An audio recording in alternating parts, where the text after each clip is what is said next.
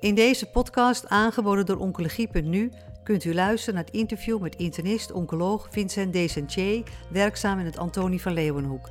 Hij bespreekt de resultaten van de Destiny Trial, gepresenteerd op het SABC Symposium.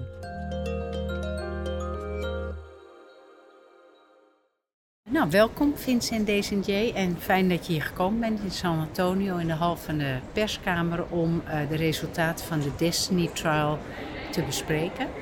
Um, deze uh, data zijn direct ook gepubliceerd in de New England Journal of Medicine. En uh, in de studie is trastuzumab deruxtecan onderzocht in een zwaar voorbehandelde patiëntengroep. Uh, dit middel is net als TDM1 een antibody-drug conjugate en gericht tegen het HER2. Maar kun je zeggen op welke manier het verschilt van TDM1? Ja, um, nou, dank dat ik hier uh, mag zijn trouwens. Uh, um, en ook leuk om deze studie te presenteren, want het is echt een veelbelovend middel. Op je vraag waar verschilt het van TDM1? Um, ehm, het is inderdaad een antibody-drug conjugate, waarbij um, het cytostaticum, wat met een linker aan de trastuzumab is gebonden, ten eerste anders is dan uh, bij TDM1. TDM1 is een tubulusremmer en dit is een topoisomerase remmer, net zoals irinotecan, naar ook de naam deruxtecan. Um, dus dat is een, een, een, een verschil. Um, en wat de presentator ook zei, ja, het is een middel wat doorgaans niet gebruikt wordt bij het mammacarcinoom. Uh, en dat kan je positief opvatten, want dat betekent dat er dan waarschijnlijk geen resistentie nog is ontstaan. Um, wat een ander verschil is, is dat er meer moleculen van het cytostaticum zitten aan, aan dat trastuzumab. Uh, dat noem je de zogenaamde drug-to-antibody ratio. En die is bij TDM1 is die ongeveer 3,5, dacht ik. En bij uh, dit middel, trastuzumab deruxtecan, is dat, uh, is dat 8, dus 8 op 1. dus er zitten meer cytostatica moleculen aan. Um, verder is het zo dat het kennelijk een klein molecuul is dat door de membraan heen kan komen. Dus op het moment dat um, het antilichaam, de antibody drug conjugate, is opgenomen in de cel. Mhm. Dan laat dat los en dan kan het vervolgens toch door de membraan uh, in de omgeving zich verspreiden. Um, waardoor het ook cellen die uh, misschien wat minder HER2 bij zich hebben, uh, zou, zou kunnen aanpakken. dat noem je het zogenaamde bystander effect. Er zijn eigenlijk meerdere verschillen met TDM1, waardoor dit middel potentieel succesvoller is dan TDM1, wat natuurlijk ook al ja. echt een plek heeft. Uh, kun je uh, vertellen hoe de Destiny Trial uh, is opgezet?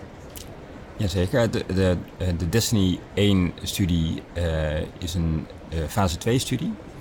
Ehm, waarbij er voor het eerst eigenlijk gekeken is naar het effect van dit middel bij een inderdaad sterk voorbehandelde populatie en patiënten met HER2-positieve gemetiseerd mammacarcinoom.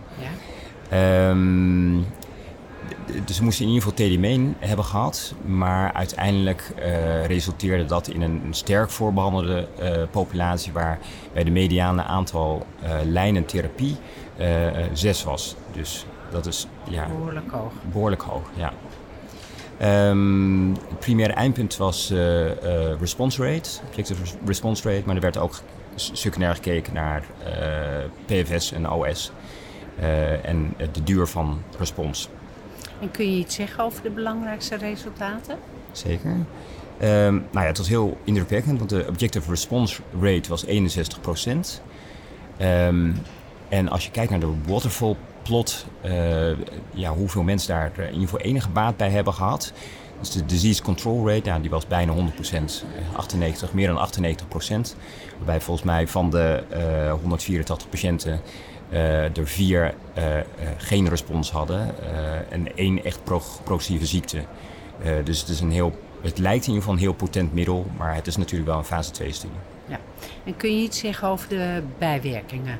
die er bij dit middel optreden. Nou, mag ik nog heel even teruggaan op ja? de effectiviteit? Ja. Want um, uh, wat ook goed is om te weten, is dat, dat er uh, in 6% van de gevallen een compleet respons zelfs was in deze sterk voorbehandelde uh, populatie.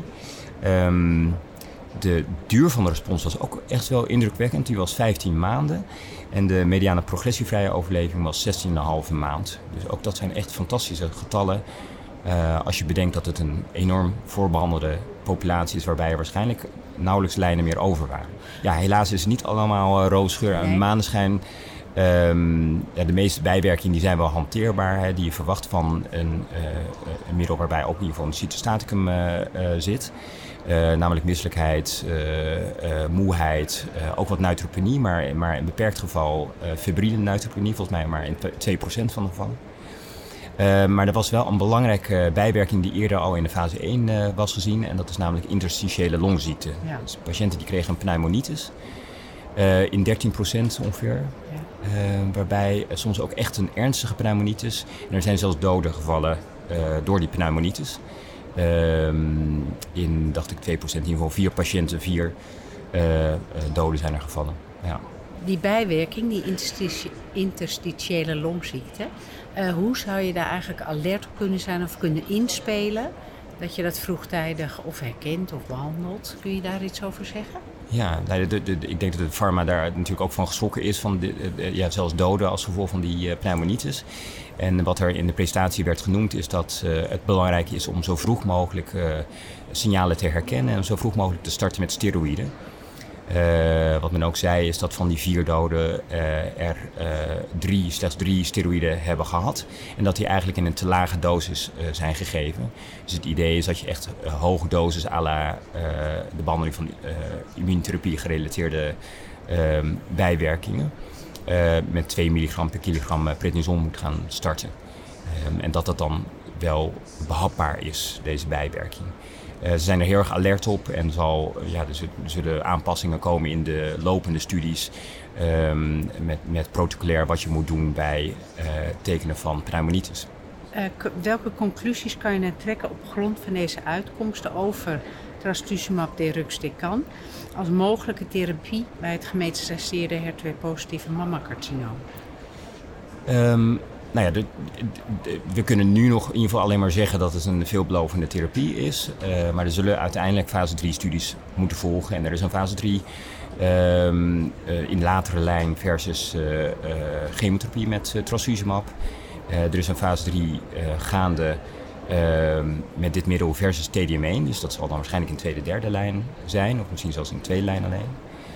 Um, en wat ik net zei over dat bystander effect, Um, dus het werkt niet alleen op de cellen die dat HER2-eiwit bij zich hebben, ook, maar ook met, uh, op de cellen die in de omgeving zitten, die, die misschien niet dat HER2-eiwit uh, tot expressie brengen. Uh, en vandaar dat dit middel ook ge, getest wordt op patiënten met HER2-low ziekte. Dus patiënten met wel HER2-expressie, maar geen amplificatie. Dus 1 plus of 2 plus bij immunohistochemie. En ook daar zie je goede responsen. Nou, op jouw vraag inderdaad, eh, waar zal het idealiter zich gaan uh, positioneren? Um, dan hangt dat natuurlijk af van hoe, of, of, de studies positief zijn. Nou, er zal een studie dus zijn versus TDM1. En nou ja, als je deze resultaten allemaal geloven, dat het zulke goede responsen heeft um, en, en het beter zou zijn dan TDM1, ja, dan zou het zich kunnen positioneren inderdaad in de tweede of derde lijn al. Ja. En, en uh, je, je, noemde al dat er een aantal uh, fase 3 studies gaan lopen. Uh, gaan Nederlandse centra daar ook aan deelnemen? Dat weten we nog niet zeker, maar we zijn in onderhandeling inderdaad met Daiichi Sankyo, dat is de, de, fabrikant. En die heeft een samenwerking met AstraZeneca. En die is momenteel via de boog ook ziekenhuizen aan het benaderen, specifiek voor die studie met die HER2-low uh, tumoren, dus 1 plus 2 plus zonder amplificatie. Dus we hopen dat we daar aan mee kunnen doen. Dat het uiteindelijk door zal gaan, zodat we ook in Nederland al wat eerder ervaring kunnen, doen met het, kunnen opdoen met, met het middel. Nou, Vincent, dankjewel. Ik denk dat we de studie zo mooi besproken hebben. En nou, nogmaals dank voor je komst. Graag gedaan, ja, dank je. Bent u geïnteresseerd in meer podcasts? Deze zijn te vinden op de website oncologie.nu.